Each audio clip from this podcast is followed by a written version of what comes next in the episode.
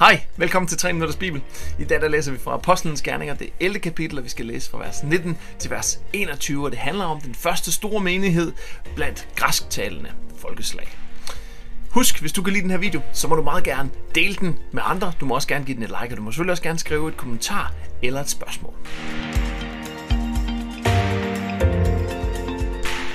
Den første store menighed blandt de græsktalende folkeslag.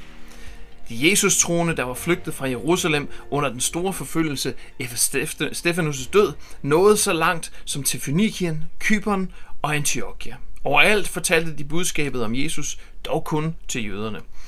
Men nogle af dem, der oprindeligt kom fra Kypern eller Kyrene, var rasktalende, og da de kom til Antiochia, begyndte de at tale til grækerne om Jesus.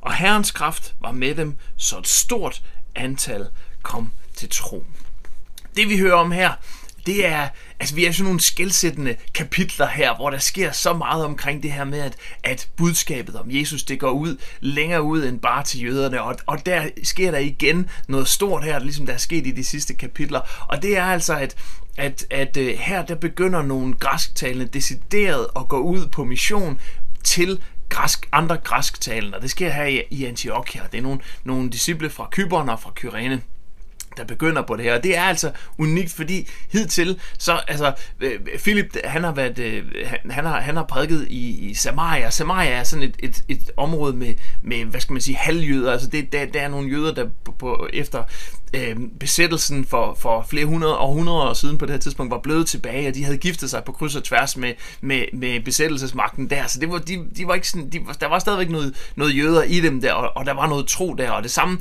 kan man sige om Cornelius. Han havde jo altså troen der og søgt Gud. Men her der kommer de altså ud til nogen, som ikke har et kendskab eller en tro øh, til Gud øh, og, og som, som, som ikke på nogen måde er, er, er, har nogen forbindelse til jøder. Så, så det, det, det er noget nyt, der sker her, og det er nyt, at de decideret går efter øh, øh græsktalen, altså nogen der så det bliver deres missionsmarked, det er det, der sker her i Antiochia. Vi skal høre lidt mere om Antiochia de næste par dage. Det er også faktisk en spændende by på mange måder.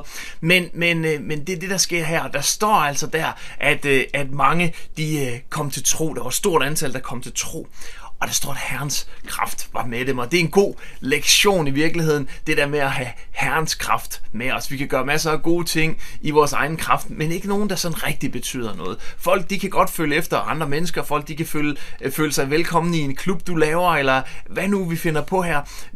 Der kan være gode ting og så videre, men, men det er først, når Herrens kraft rigtig er der, at det får en betydning, og det er der, mennesker de begynder at følge Jesus. Ikke bare følge et menneske, ikke bare følge dig, ikke følge nogle andre, ikke bare føle sig hjemme i en eller anden klub, men rent faktisk at følge Jesus. Det er, når Herrens kraft er der, når der bliver plads til ham, når vi laver plads til ham i vores liv, i vores kirker, i alt det, vi er og gør. Tak fordi du har været med i dag. Jeg håber, vi ses igen i morgen. Du må som sagt gerne dele det her. Du må gerne give et like, og du må også gerne skrive kommentar eller spørgsmål. Gud velsigne dig. Vi ses.